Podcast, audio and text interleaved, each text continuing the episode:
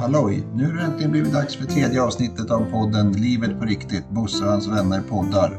Dagens gäst är Veli Kaglajan. Han berättar bland annat om sin berg och dalbansresa kring hans gatuköksrörelse. En pluseffekt på detta möte eh, och inspelning är att Veli och jag återupptar vår gamla kamratrelation. Håll till godo kära vänner. Vi hörs längre fram. Välkommen Veli. Vad kul att vi kan eh, träffas och få snacka lite. Det var länge sedan. Tack Bosse. Ja, det är många, många år sedan, kanske 20 år sedan sist vi sågs. Väldigt Så länge sedan. Otroligt trevligt att få träffa dig. Ja, det var jättekul att du svarade ja på min fråga. Hur, hur, vad har vi för relation? Eh, vi lärde känna varandra i Strängnäs. Jag flyttade till Strängnäs 86 och kom in eh, Ja, jag, hade, jag drev gatukök i många, många år. Så du har ju tagit några burgare från mig. Ja. En och annan. Ja, Men samtidigt också genom fotbollen. Där vi Ja. har varit involverade på olika sätt ja två. Absolut. Ja, skitkul. Och, jag har ju följt dig. Vi kommer komma in på det, din livsstory här lite grann i, i komprimerad form.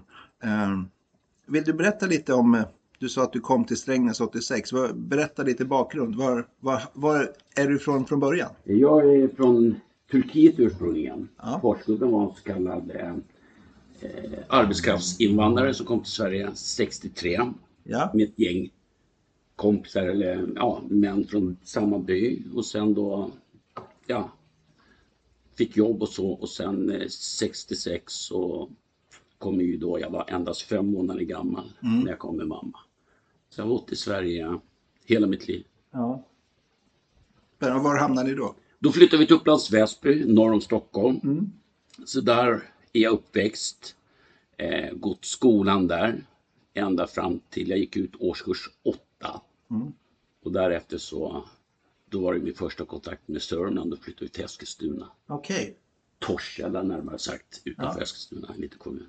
Ja, Torshälla. Som inte är en egen kommun längre. Nej, titta, det visste inte Nej, jag. precis, men så är det. Vi skröt lite grann om Ja. Torshälla, Ja, är egen kommun. Ja, liksom. Men så, så är det inte Okej, nu längre. Okej. Jag vet ju det för att jag jobbar ju där. Ja. Så att det, ingår. Jag jobbar i Eskilstuna kommun fast jag jobbar i Torshälla. Så. Ja, jag, jag, jag gick ut nian i Göfstenskolan där du jobbar idag. Ja, också. spännande. Ja. Cirklarna går Ja. ihop där. Ja, och då var du i Torshälla och gick ut skolan. Sen då efter... Anledningen att vi flyttade från Upplands Väsby till då Torshälla, Mm.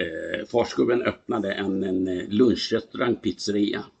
Så det var ju på den vägen jag kom in i den branschen. Så jag gick ut nia, men efter varje skoldagslut så då var jag nere och bakade pizzor. Och jobbade sju dagar i veckan, morgon till kväll. Ja, sen slut, gick ut nian. Så jag jobbade där tillsammans med farsgubben.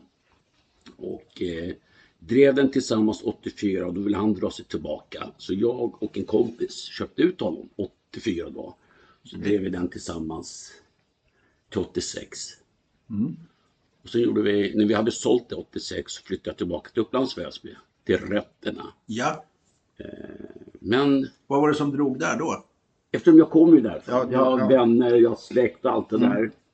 Och då hade pappa börjat importera lite eh, konserver och sådana saker. Tomatpuré, champinjoner och som en liten grossist började han. Så vi, han öppnade en livsmedelsbutik också, en liten orientalisk livsmedelsbutik i Rinkeby Ja. av alla ställen. Vilket jag tycker är fantastiskt att vara i Spännande. Rinkeby. Torg är häftigt. Ja. Men jag trivdes inte med det. Nej. Så farsgubben har ju det en gammal bekant i Strängnäs som hade den där korvmojen, om du minns, mitt mot Harrys herrikebering. Ja. Innan präntan kom till så ja, fyrkanten. Yes! Ja. Så den hade inte, då, då, då eh, av någon händelse hade de frågat, för vi kände, jag kände dem sedan tidigare också Ja. för att pappa var kompis med dem. De var också där arbetskraftsinvandrare som kom. Ja. Vi skickade hit Vele för vi, vi vill ha honom. Så jag kom dit och jobbade med dem ett tag och där började min bana. Jag arrenderade den kiosken från dem. Ja. Sen revs den, då flyttade den till Ugglans grill. Ja. Från 86 till 90 hade jag den. Ja. Men där vid 90 där så såg jag att den här gamla väntsalen vid gamla busstationen Ja. var ju tom. För Det, det fungerar som en väntsal men den hade varit stängd i jättelänge på grund av förstörelse. Flipperhall. Flipperhall och sånt där det. Men den var, den var ju liksom stängd. Ja. Och ingen ville reparera och sånt där. Det var lite tjafs mellan han som drev macken och eh, han som ägde fastigheten och så vidare. Så jag gick och frågade. Hasse Centio hette han. ja, precis. Hörru Hasse, är det okej om jag försöker hyra Ja. den här delen? Är det okej för det? För, ja men det sa han jättebra. Då slipper jag kanske gå ner i hyreskostnad Ja. tänkte jag. Så jag tog kontakt med han som ägde fastigheten, John Jansson. Det var inga problem. Så jag hyrde det och renoverade. Och 90 startade med karriär där på Fyrkanten. Ja. Men 86, 1986 flyttade till Strängnäs. Ja. Och sen var det nere vid busstationen där. Det är ju där som man har tryckt väldigt många burgare. Och även på de andra ställena såklart. Men just där nere blev det ett härligt... Man kunde gå in och hänga där. Det var mysigt. Och så visste du alltid, man sa, ska det vara som sist liksom så här. Det var, Ja. Och, och någonting som, det måste jag säga till alla som lyssnar det här med Velis fantastiska multikapacitet. Det var lite som, inte som en del andra korvmojs ägare och fixare som bara kan göra en beställning i taget. Veli hade 17 i huvudet samtidigt. Ja, typ något sånt. Det var... Ja, du överdriver Ja. inte om jag får säga det själv, inte för att skryta, men det stämmer. Ja, Men grejen är, exempel, då Strängnäs var en liten stad, Ja. alla kände alla. Ja. Så hade man återkommande gäster. Ja. Förutom på sommaren naturligtvis, Ja, då var det mycket turister. Ja. Men annars hade man återkommande gäster. Som man kände privat också. Ja. Då visste man, här kommer Bosse, han står det här. Och, och då visste man det, så det gick på Ja, rutin. Ja. Men, men just det där, du, du tvekade. Du såg liksom, alltid när man kom in så var det alltid den här som jag tycker är så charmerande och trevligt. Det är alltid en hej min vän. Alltid när man kommer in så var det det. Oavsett om du hade fullt och häcken full så var det, du tittade alltid upp. Nu får jag lite tårar här. Ja, det, ja men det var magiskt. Det är sånt, det är sånt som jag kommer ihåg. Ja, men Det- det, var faktiskt så det kändes. Det också, Ja. var väl också en av anledningarna till det. Men så kanske hade det inte varit om man hade jobbat i en större stad. Men här känner man alla. Ja. Så var man ju involverad genom fotbollen. Andra, Ja. Mm. liksom, sen var man ung, man var ute sådär eh, på lokal. Och. Så, så jag kom ju mina framförallt unga gäster så pass Ja. nära. Så det, var, då, då var, då, det, det kom från hjärtat nästan. Ja. Tjena med den. Ja, och, och den, den sitter ju kvar. Den är ju så himla, för det är ju sånt man, det är ju väldigt få som man får det. I och för sig så var ju vi, vi pröjsade ju din lön rätt ofta också. Så. Ja, det gjorde ni. Absolut. Absolut. Så, Så, det, var, ja. det var både om tacksamhet och sen att jag tyckte om det. Ja, så, ja och, och sen så hände det saker efter det där då med, du, det var lite fotboll, det var lite Turkiet, det var så här och det var, eh, ja, och, och, och, och, och sen då när, vad, vad hände sen när den här busstationskorvmojen och restaurangen, vad hände med den sen? Det, är ju, det ser inte ut så idag för er som är lite yngre. Så Västervikstorget är en helt annat Det är en re- ställe nu. Fastigheten där jag var i, den revs 1909. Jag måste bara säga så här, det ser ju Mm. fantastiskt fint ut där nere nu. Jag menar, det här, det där hade ju varit en lång bänk. Jag Mm. menar, det pratades om Västervikstorget långt innan jag öppnade där, men på grund av ekonomi och dit så drog det ut på tiden. Va? Så, men det ser ju fantastiskt fint ut. Alltså kommunen har verkligen gjort vackert. Det, är- det är fint, Mm. det är inget snack om det. Det tycker jag. Men eh, jag borde ha varit en del av, av, av Västervikstorget tyckte jag efter så många år. Ja, Jag Mm. precis. drev ju, Västerviksgrillen drev jag i tio års tid. Jag hade bott och varit verksam i Strängnäs sedan 1986. Men framförallt så var jag först På Västerviken, ja. var jag där. Och sen kom ju grekiska Tavern. tavernan. Fanns ingen annan där. Nej. Fanns inga bådar. Jag menar den, den nuvarande restaurangen utan att nämna namn. Den som finns där. Den, det är den jag skulle haft egentligen. Så det känns lite bittert och sånt där va. Men, men nu är det som det är. Då- Vill du berätta lite kortfattat om, om episoden med från rivning och till lite sådana här rättsprocesser och lite sådana här som, för det, vi vet ju vi som är lite äldre i Strängnäs att det blev en följetong i tidningarna och sådär. Jag kan ju börja med att säga det, det kommer ju låta lite fräckt och dumt, men jag måste få säga det. Jag har varit, har jag alltid sagt och jag säger det fortfarande, jag har varit lurad. Jag vill inte tro det i början, men nu är det så. Jag blev lurad. Jag menar, lite kort, för det är en lång historia, vi har inte tid med det, jag förstår det, men lite kort sådär. Eh, jag blev kallad till ett möte till, till kommunen, så vi träffade då näringslivschefen då, 1997.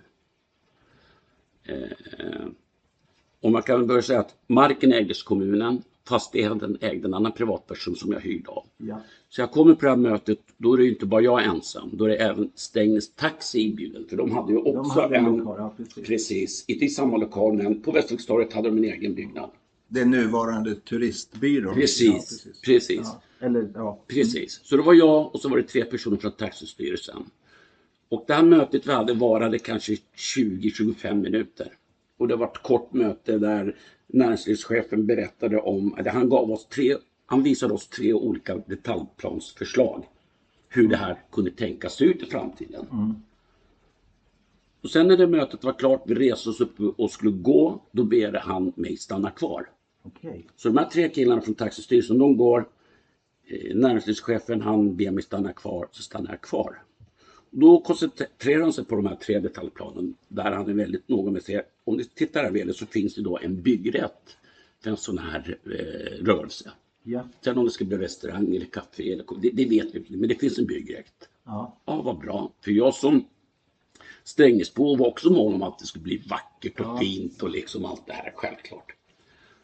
Så han sträcker fram ett papper till mig. Som kort och gott är avsäger min besittningsrätt. Okej. Och nu säger han att det här, det, det är bara formalia. Det är bara för att vi från kommunens sida ska kunna påbörja planering och sånt där så vill vi ha det här på pränt. Men du har, som du ser på, det blir, det blir någon av de här tre detalj, någon av de här detaljplanerna blir det. Och, och det finns byggrätt. Och där var jag då ung, dum, naiv, kalla det vad du vill. Framförallt så hade jag ett förtroende liksom. Här i Sverige, det här kan man lita på politiker och eh, våra näringsliv våra, våra eh, tjänstemän. Ja. Det är inte som i andra länder där, man, där det är liksom korrupt. Så istället för att begära ett sånt papper av dem så skrev jag på det här. Jag vill bara öppna en parentes här. Hade jag, jag, jag gjorde ju många misstag självklart också den här vägen. Men mitt största misstag var att jag litade på den här tjänstemännen. Hade jag vägrat skriva på det här pappret så hade inte jag suttit i den här situationen idag. Då hade, Självklart kommunen har ju en lag på sin sida där de kan tvångsförvalta Absolut, sin mark. absolut. Men då måste de betala mig vad, eh, enligt vad min rörelse, vad den värderar. Ja, precis. Vi kan ge ett kort exempel. Vi, samma, vi hade samma problem med korvmojen här i Eskilstuna på Fristadstorget. Ja, ja men precis. De har gjort om torget där som du känner Mm. till och innan dess då tog kommunen liksom, det ska inte finnas någon korvmoja här. Nej. Men då tog de kontakt med den här personen och sa okej, då titta på hans omsättning och allt det här. Så kom de överens om prislapp. Han fick sina pengar och då blev kiosken. Då var det färdigt. Precis, och så hade jag inte skrivit på det här pappret, jag avser min besittningsrätt. Hade inte då de ville haft mig där var de tvungna att betala mig. Ja, precis. Så jag skrev på det här pappret 97. Sen går det bara några månader så kommer då min hyresvärd in. Ja. Och lite sådär, ser lite ledsen ut. Vad är det som hänt? Jo, jag har sålt fastigheten så din nya hyresvärd är Strängnäs kommun. Jaha, ingen har sagt någonting till mig. Ja, nu får du höra det från mig, sa han. Så jag... Det här var en helg minns jag också. Mitt, det var varm solig dag. På måndagen så ringer jag till kommunen. För det, eh, jag undrade, okej, nu, nu, nu ska jag betala hyran. Vem betalar jag till? För det dök inte upp några fakturor eller hyresavier. Okej. Och när jag ringer till kommunen sa den jag pratar med har ingen aning om det. Och lovar att de ska återkomma. Men sen går det då, nu minns inte jag så många år sedan, visst antal veckor när det var dags då att betala hyran. För jag betalade ett kvartalsvis. Okej. Så när det var dags att betala hyran så ringer jag igen. Ingen känner, vet någonting. Och jag minns så väl att då fanns det ingen person som var ansvarig för fastigheter så, det var vad de sa till mig. Så jag stoppade tre månaders hyra kuvert. Jag betalade 7400 någonting i hyra månaden, så det nästan 22 000, Ja, 21 000 precis, ja. De pengarna stoppade jag i kuvert så gick jag upp till kommunhuset. Nu jag betala min hyra, sa jag. Då kom vi ner två personer, tre personer, ingen ville kännas vid. Och ingen tog emot pengarna. De sa att de kommer höra av sig. Så här gör jag mitt andra misstag. Vad jag skulle då ha gjort. Eh, betala in de här pengarna till, deponera dem till Länsstyrelsen. Men jag hade ingen aning om sånt där. Jag hade aldrig råkat ut för sånt där. Jag var ung. Så jag tänkte, de kommer väl höra av sig. Jag menar om jag hyr någonting av dig. Ja. Du, du skickar med en, en, en Avia. Betala inte jag så ringer du till mig, hallå. Ja. Eller så går du vidare den här morgonen. Ingenting hände. Så jag betalade inte en hyra på ett helt år. Nej. För jag vill minnas att jag efter detta igen påringde, alltså eh, tryckte på och ringde en gång. Mm. Fortfarande samma, inget svar. Så jag betalade ingen hyra på ett år. Nej. Tills jag blev kallad till ett möte igen. Och där nu är vi inne i 98. Då får jag träffa en, en man. Jag har alla de här personernas namn i mitt huvud så jag kan säga det också men jag vet inte vad du tänker. Det kanske inte leder så långt. Precis, och därför. Men jag har det med. Då presenterar han sig som att det är han som ansvarar för kommunens fastigheter. Ja, men vad bra, jag har inte betalat hyra säger jag. Det har det gått ett år. Ingen fara säger han. Det, det, det löser vi sen. Jag vill att du skriver på det här pappret. Då är det ett, just det, efter kommunen hade köpt fastigheten från den här hyresvärden så hade ju inte jag kommunen någon kontrakt. Nej, ni hade ingen. Nej. Precis. Så han tycker det är oviktigt att få in hyran på ett år som inte har fått in. Istället så vill han att jag skriver på ett kontrakt. Och det här är nu efterhand alltså, mm, när jag ser de här pusselbitarna. Ja, för jag vill inte tro att det här var medvetet gjort av kommunen. Men nu fattar jag att det här var medvetet. Va? Då är det här kontraktet daterat tillbaka till tiden. Jaha, ja. Jag menar, så får man inte heller göra. Om du och jag ska skriva ett avtal, då gäller det från idag. Då, då går det tillbaka till tiden. Eh, som, ja, på något sätt, eh, jag skrev på det och sen eh, var inte mer med det. Och sen kom vi fram till 99. Då rivs ju gatuköket. Ja. Men då, det här är viktigt också som jag glömde nämna.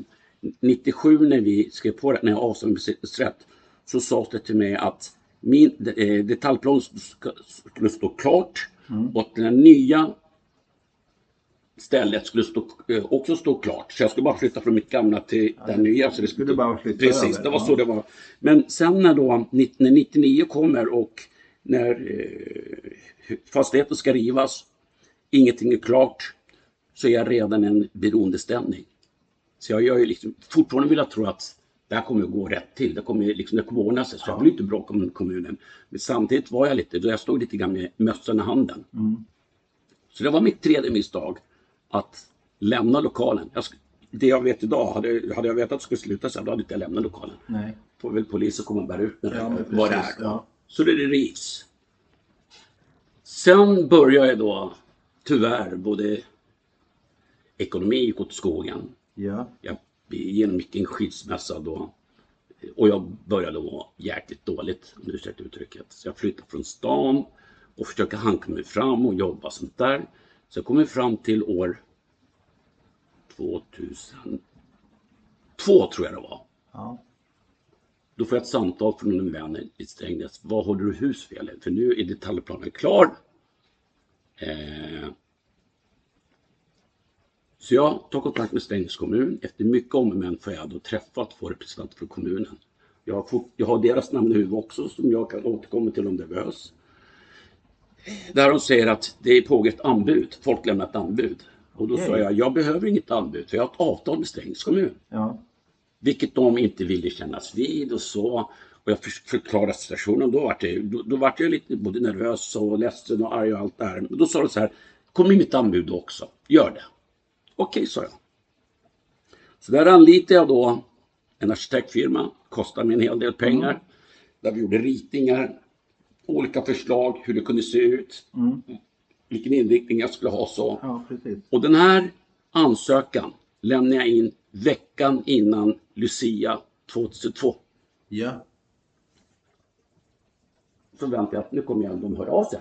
Sen går tiden. Om inte jag minns fel här nu, jag kan minnas i, eh, åren fel, men jag tror inte det. 2003 så får jag ytterligare ett samtal, men vad fan gäller det? Då finns det här nuvarande stället. Ja. Och då, då, då, då, då tittar det huvudet på mig. Så jag eh, vill ha stånd till ett möte, vilket är omöjligt.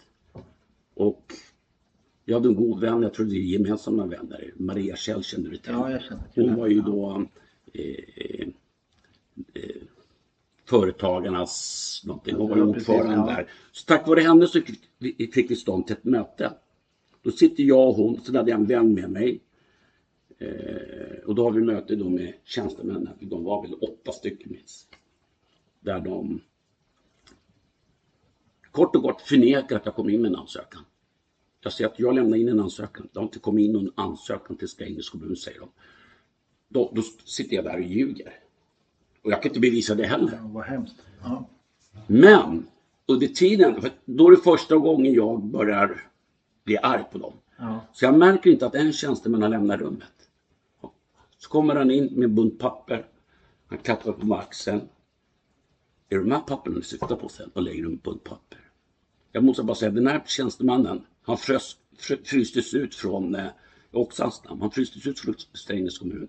Fick typ jobba med skitgöra då tills han pensionerades för att han ställde upp mig. Okej. Och när jag tittar på de papperna, då är de ansökningarna som jag skickade in, som Strängnäs kommun förnekat de hade fått, som inte ens var diarförda. Var hade de hamnat då? då? Eh, de dök upp. Ja, ja, Strängnäs- precis, precis. ja, ja. De förnekade att de hade fått den. Men en tjänsteman plockade upp dem någonstans från ja, kommunhuset. precis. och då säger han det lite med ironi i rösten. Det är lite för sent men jag kan diarieföra dem idag, sa han. Så gjorde han det. Ja. Helt plötsligt då, de här tjänstemännen som nekat till att jag hade lämnat in de här papperna och allt det här. Helt plötsligt, oj! Helt plötsligt så, vi har fått dem. Vi har bara glömt det mänskliga faktum. Vi har glömt att diarieföra dem. Och de här ansökningarna har varit med bland de här alla anbuden. Men vi valde inte dig. Ett ögonblick, först förnekar ni det. Att inte jag hade skickat någon. För det här har jag vittnen till också. Och helt plötsligt när, när någon tjänsteman letar fram dem så dyker de upp. Då, då vänder ni på er säger att den har visst varit med i anbuden. De vänder storyn. efter- Absolut. Men nu hände någonting. Nu sa de att vi ska lösa ditt problem. För de insåg att de har gjort bort ordentligt. Och då lugnade de ner mig. Okej, nu har det blivit som det är. Vi, vi tittar bakåt, vi tittar framåt. Nu ska du, nu ska vi ordna det här. Fast jag var en spillra av min forna jag, ekonomin åt skogen och allt det här. Självklart vill jag det här. Du kände hopp? Absolut. Ja, mm. Det har blivit fel på vägen, men kan man av alla fel rätta till det så får man väl liksom göra det bästa situationen. Och mycket väl så fick jag, jag minns inte exakt idag, men under den sommaren så fick jag fyra, fem olika förslag från kommunens sida. Och det var vissa förslag jag sa nej till. Jag minns ett förslag, för jag, jag, jag hade ett, ett villkor. Jag ska vara på Västervikstorget. Ja, men precis. Det var en principsak. Jo, men- Och samtidigt är det Strängnäs A-läge som alla Ja. känner till. Det är där jag ska vara. För de hänvisar mig utanför Ja. allt där. Eh, och det var omöjligt, omöjligt. Men så var det en person, han var näringslivschef efter. Mm. Eh, han ville mitt välkände. Alltså han hänvisade mig till ett ställe som jag sa okej till. Mm. Sen bara två, tre dagar senare, nej det går inte. Av någon anledning. Och då fattade jag det här kommer inte gå. Det var då jag tog beslut om att jag skulle, att jag skulle inleda en hungerstrejk Ja. utanför kommunhuset. Och då var det lite fart på gubbarna där när TV och radio visade lite intresse. Det här ska vi fixa och det här fick Men det, det gjorde inte det i alla fall. Men jag avslutade hungerstrejken när kommunal, eller kommunchefen tror jag det var. Vill vi lösa det här? Vi vill att du avslutar den här nu. Ja. Då gjorde jag det. Jag tänkte fortfarande, okej. de vill, de, det här ska fixas i alla fall. ja, men precis. Eh, det gjorde ju inte det. Till slut så bestämde jag mig att... Och just det, under den här tiden så fick jag ju då även vissa tjänstemän och politiker som kände som att de stod på min sida. Ja. Vi har en person, den här personens namn vill jag bara nämna för jag har, jag, jag har ju även stämt honom. Det var ju eh, socialdemokraten, vad heter han? Eh, Leif Lindström. Leif Lindström. Han gick ut i tidningen och sa att VL har rätt. Han hade i två eller tre olika omgångar gått ut i tidningen. För han var ju då ordförande för kommunens presidium och under den här tiden, vi lovade det här väl. Det Vele säger det stämmer. Det här gick han ut två, tre gånger i tidningen. Så jag frågade honom, jag tänker stämma kommunen. Kan du, kan du vittna om det här? Absolut, så. Så, jag, så jag stämmer kommunen. Men då var det andra bullar. Eh, eh, när det var under rättegången så var det inte så. De hade inte lovat honom någonting. Eller de hade inte lovat mig någonting. Nej, okej.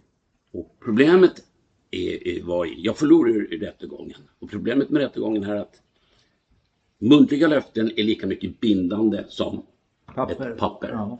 Med papper kan du visa upp, det är ditt Ja, bevis. precis. Men om min motpart förnekar, hur ska jag kunna bevisa att jag har fått de här löftena? Enda jag kan säga, det sa jag till domaren också. Jag har ett företag här som jag drev tio år framgångsrikt. Ja. Mitt levebröd. Av vilken anledning avser jag min besiktningsrätt? Av vilken anledning? Ja. Och jag glömmer aldrig när han säger till mig, han ser mig i ögonen. Jag ser att han förstår mig. Jag ser att han tror på mig. Men han säger till mig, vilket han har rätt också, vi i domstolen får inte av några sådana omständigheter kolla på känslor eller, eller, eller, eller etik eller moral eller om du har fakta. Fakta. Du har ingen kontrakt och du kan inte bevisa att de har lovat dig någonting. Jag såg ju på dem. Ja. Så jag förlorade rättegången. Och där på något sätt tänkte jag, okej, gillar läget väl, men jag kunde inte släppa det här. Nej. Eh, sa, du hade ju blivit utblottad, förnedrad. Du kände ju alla känslor. På... det går ett tag, sex månader eller om det gick ett år. Nej, jag ska stämma kommunen igen. Men jag ligger i sånt underläge, ekonomin slagit spillror, jag har inte pengar till en advokat. Så jag tänker, nej, jag ska företräda mig själv. Så jag stämmer kommunen, skriver eh, och lämnar in en samman- anställningsansökan. Några veckor efter så får jag ett brev från eh, domstolen, tingsrätten. Där de vill att jag ska formulera, eh, de, de, de, de frågar mig inte, de vill att jag ska formulera om någonting. Jag skriver det, jag får ett svar tillbaka, de är inte nöjda med det. Alltså, jag skrev på gatuspråk, på Ja, den svenska jag Ja, kan. ja. De här termerna kan jag inte, här juridiska Nej, termerna. precis. Så jag minns att jag tog de här papperna, går till domstolen, till tingsrätten här i Eskilstuna och vill prata med någon, vilket jag får göra. Så sa jag, kan inte du förklara det här för mig så jag förstår vad du, vad, vad du försöker säga mig? Jag förstod inte, det var en massa termer. Då säger hon så här till mig, det tog knäcken på mig. Har du ingen advokat så? Nej, jag ska företräda mig själv. Då säger de, ja, har du inte då en advokat så ska du inte stämma någon, säger jag. Snälla, jag är inte här för att jag vill ha din hjälp. Jag vill bara att du ska Ja, liksom precis. Ja. förklara vad, du, vad, vad ni säger här när ni Ja. skriver. Nej, så. Då... Här minns jag, då grät jag vägen Ja. tillbaka. Men var då jag slängde in handduken. Då, då gav du, då la du dig platt. Ja. Men under den här tiden så har jag mått fruktansvärt dåligt och verkligen det har varit riktigt mörkt. ja. Jag skulle inte vilja ha min värsta fiende det. Nej. Du var verkligen nedbruten både fysiskt och psykiskt. Vi som träffade dig under resans gång, det var ju... Eh, Får jag bara säga en sak Ja. som är viktigt för mig? Mm. Som sagt, jag drev en liten, ursäkta uttrycket, sketen korvmoj. Ingen stor, stort holdingföretag som Volvo hit och dit. De sponsrar ju mycket pengar. Mm. Under mina tio år så sponsrade jag olika idrottsföreningar. Aspe där bland annat, Ja. där vi du och jag. Det, det, var, det var ju innebandyklubben, det var Häradsdam, det, det var allt. Och jag har faktiskt de papperna kvar också jag kan visa. Under de här tio åren så har jag sponsrat hockeyklubben exempel. Med 450 000 på åtta år, eller tio år. Och 450 000 det kan liksom vara en liten skitsumma för de här stora. Men jag var en korvmoj. Och varför gjorde jag det här för? Självklart var det för att få lite reklam. Ja, Självklart. precis. Men min korsås hade säkert gått bett, lika bra utan att jag hade gjort det här. Jag gjorde det här också för att jag är en del av kommunen. Jag älskar idrott, framförallt fotboll. Jag har vänner som håller på med det här. Och sen hade vi kommit till läget, jag hade barn, mina vänner barn, de håller på med idrott. Det här är mitt sätt att ge lite grann Ja, tillbaka. precis. så att, fan var det attacken tänkte jag. Ja. Men det blev så.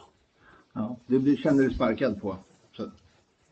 Nej, jag, jag, jag kan inte finna Nej, ord alltså. nej. Jag, om jag säger så här, om, om, om min part var en privatperson så hade det varit lättare att acceptera. Okej, jag stötte på en, en oärlig människa, han blåste mig. Ja. Det hade varit lättare att komma över.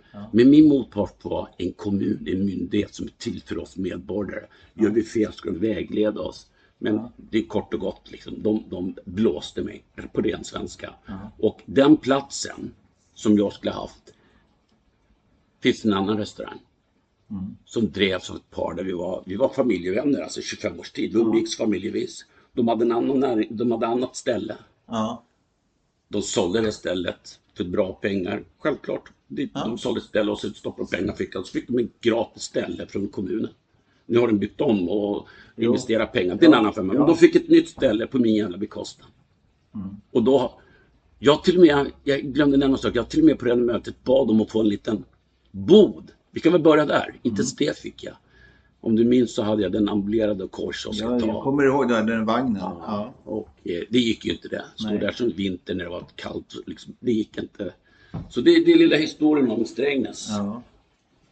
Där. Och då, Ändå finns det mycket detaljer som det inte finns tid att ta upp här. Som, det som, finns som tid men vi, vi behöver inte Nej. liksom, jag, jag tror vi har fått greppet om hur du kom dit och det blomstrade och sen så bara gick det i, i gras alltihopa.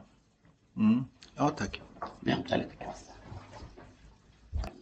Då efter när du kastade in handduken och gav upp efter de där lite taskiga råden från de på tingsrätten där, domstolen och så vidare. Då, då, vart bodde du då? Eh, Jag flyttade tillbaka till Strängnäs då när den här fighten skulle inledas. Men efter det här så ville jag bara bort därifrån så jag flyttade då till Eskilstuna. Alltså, jag har alltid älskat Strängnäs. Jag älskar Strängnäs fortfarande för jag har så många fina vänner. Eh, fantastiskt vacker fin stad. Men då kändes det som att ett tag var jag rädd för mig själv. Jag ville bort härifrån. Jag ska, jag ska vara rak på sak. Jag var rädd att stöta på fel slags människa som jag ansågs låg bakom där. Och Istället för att då undvika tråkigheter. Och sen lite skämmigt var det också. Liksom, Från att man har varit någorlunda hyfsad. Eh, god medborgare. Ja, precis. skriva om allting. Eh, ja, man förlorar. Man ger en skilsmässa och skilsmässa berodde inte på det här naturligtvis. Så nu ska vi inte skylla på det. Men det var svåra tider och eh, Många dåliga självförtroende. saker, ja. Alltså jag är en person som har alltid haft ett gott självförtroende. Ja, det har jag nu också. Nu, nu är jag tillbaka. Men under den tiden så, alltså noll självförtroende. Så jag, jag kunde inte vara kvar. Och vad hände när du flyttade till Eskilstuna då? då på den? Vad är vi i år då? Eh, 04, 05, Ja. 06, minns jag inte. Någon gång där så flyttade jag till, till Eskilstuna. ja. Och då mådde du inte toppen? Nej, Nej. jag menar. Och Eh, vad hände då när du kom till Eskilstuna? inte så positivt. Alltså, positivt var det, jag hade ju min mamma då. Ja.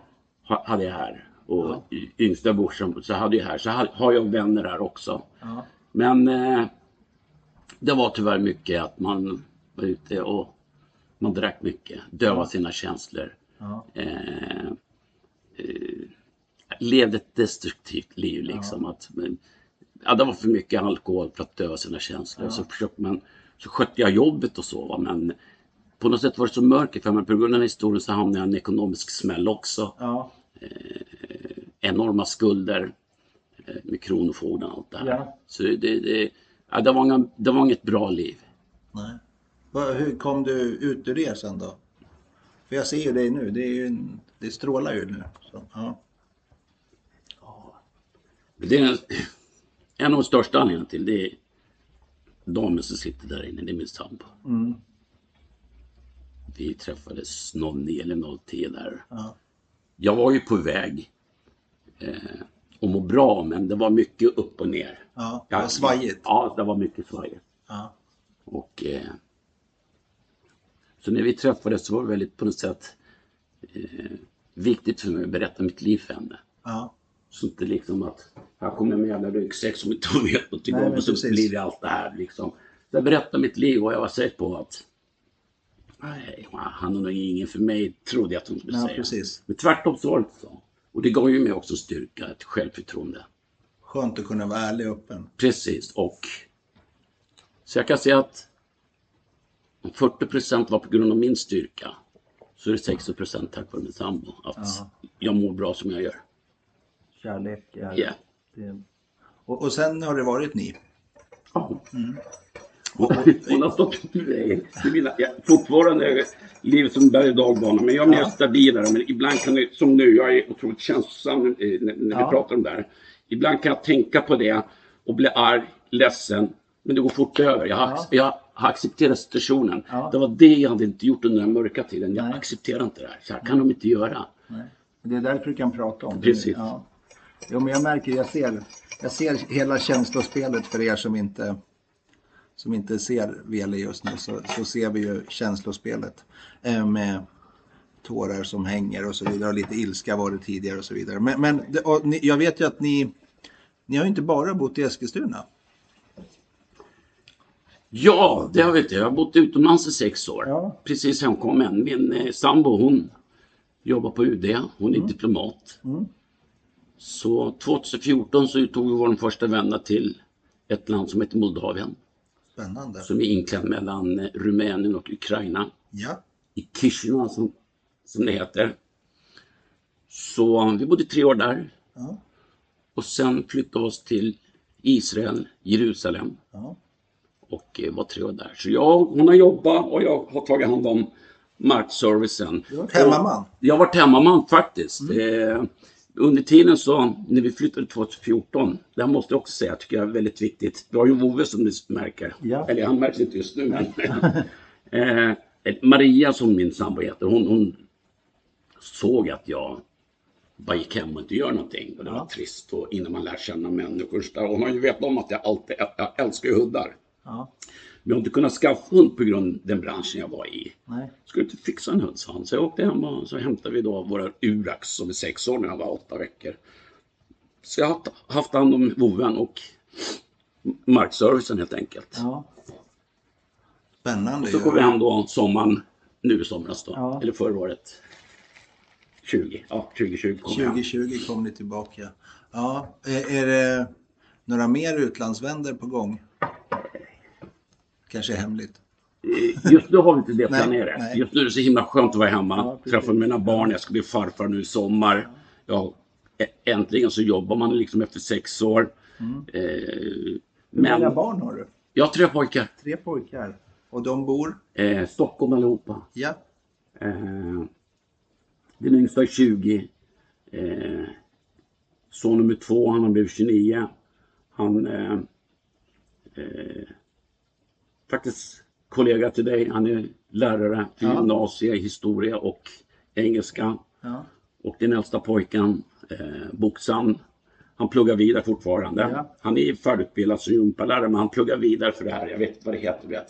Det här med diet och såna här Ja, grejer ja, okej, och allt det där. Så han blir klar nu tror jag. ja Okej. Och eh, fantastiska pojkar. Eh, Har ni bra kontakt och bra relation? grejen är att jag har haft jättebra kontakt med i alla fall de två äldsta. Ja.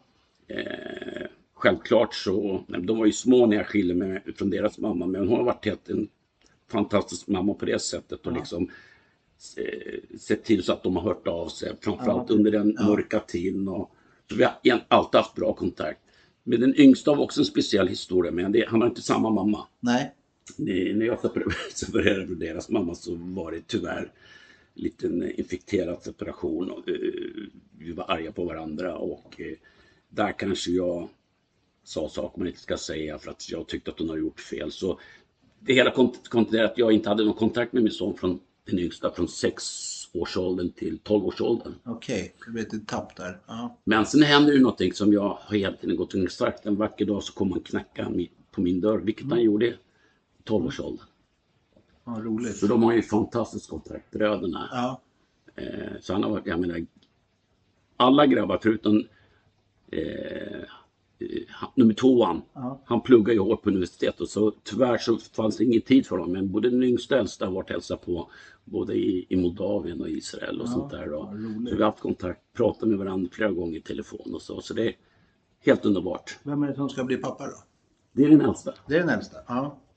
Jag blev farfar i höstas för första gången. Gud vad kul! Ja. Hur känns det? Det är magiskt. Det är liksom helt, det, det är som den här, jag, trodde inte på alla som säger det här att man kan bli så där larvigt förälskad och liksom helt, ja, jag är jättestolt och upp, det är bara upp hela tiden. Det enda går. alltså- och, och det här som jag tycker folk gör jämt, visa bilder på sina barnbarn, så går jag själv och gör det. Du gör det? Ja, Ja, ja, då vet jag hur det kommer se ut för mig. Alltså, jag ser fram emot det här. Ja, Men jag måste nämna det här. jag har en liten egoistisk sida av Ja. varför jag, jag är jätteglad naturligtvis. Men Ja. så finns det en annan grej Bosse som jag måste nämna. Framförallt för de två äldsta pojkarna så var jag en dålig pappa till. Ja, okej. Och då var ju den tiden när vi hade korvmojen. Alltså, alltså, så dum som man var. Man tänkte grabbarna är, de äter sig mätta, de får sina saker. Liksom, de har mamma som tar hand om dem. Så jobbar man hårt och den lilla tiden man inte jobbar var man ute på krogen. På det sättet Ja. var jag en dålig pappa. Va?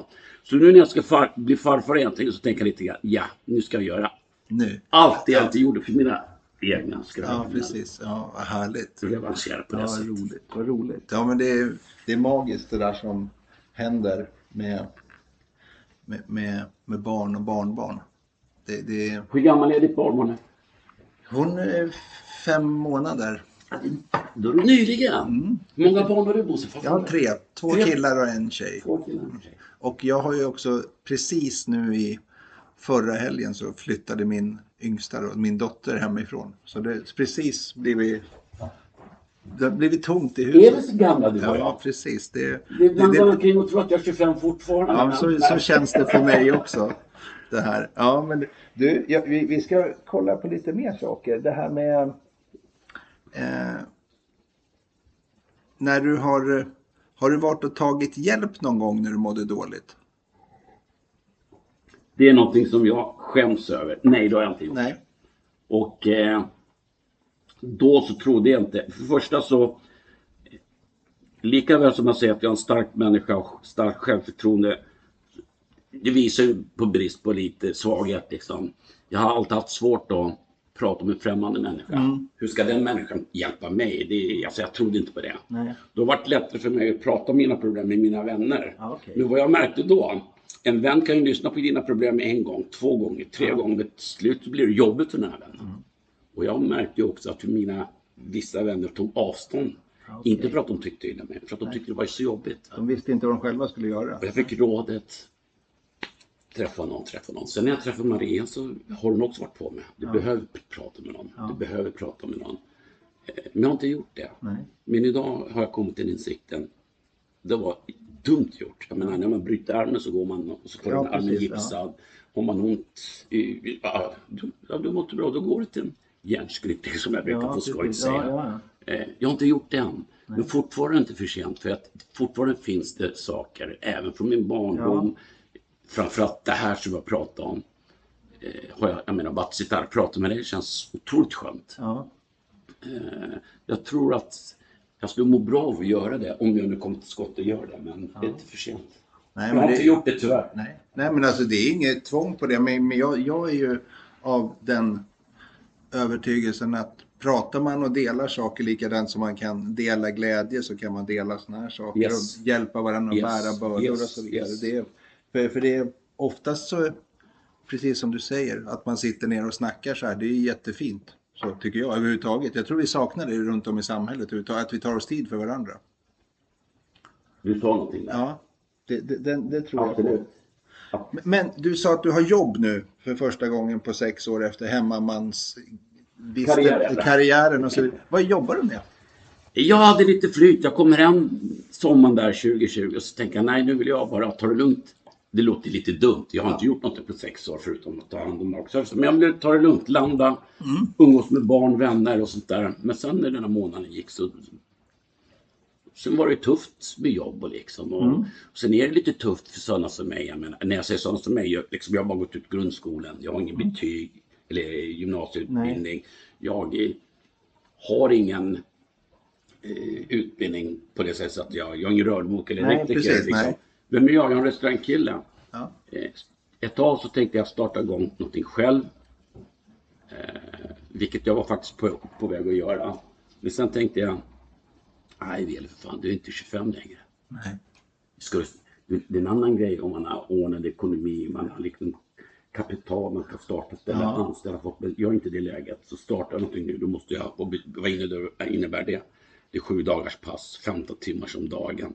Du har gjort det där. Jag har gjort det. Ja. Vore jag 20, 25, 30, 35 jag hade orkat det. Men nu man, om man hunnit bli 55. Jag insåg att jag orkade inte, klarade inte av det. Och nu har vi det här covid skitet Ja. över oss. Så jag var liksom tur det. Men då stötte jag på andra problem. som sagt, ingen utbildning. Allt det är så som arbetsmarknaden ser ut. Var ju tufft. Ja. Visst kunde jag jobba lite restaurang, men jag tänkte så här också. Det här kommer också inte låta så bra. Va? Men startat jag en restaurang själv så tänker jag inte jobba Nej, precis. åt någon annan. Nej. Jag har varit egenföretagare Mm. hela, hela mitt liv. Det kändes också... Nej. Vi hade i alla fall lite tur. Vi är lite vänner och sånt där så jobbar jag idag som en elevassistent. Vad skönt. Utan utbildning och sånt där. Men det har funkat jättebra. Jag jobbar Ja. nu fem månader. Och stortrivs. Du trivs. Du får göra, vara medmänniska, dela med dig av livserfarenheter. Jag var på och- särskola som det Ja. heter. Ja, Med allt från eh, små barn till högstadieelever. ja, Och det är fantastiskt. ja. Det, ger, det ger dig mycket. absolut. Ja, vad spännande.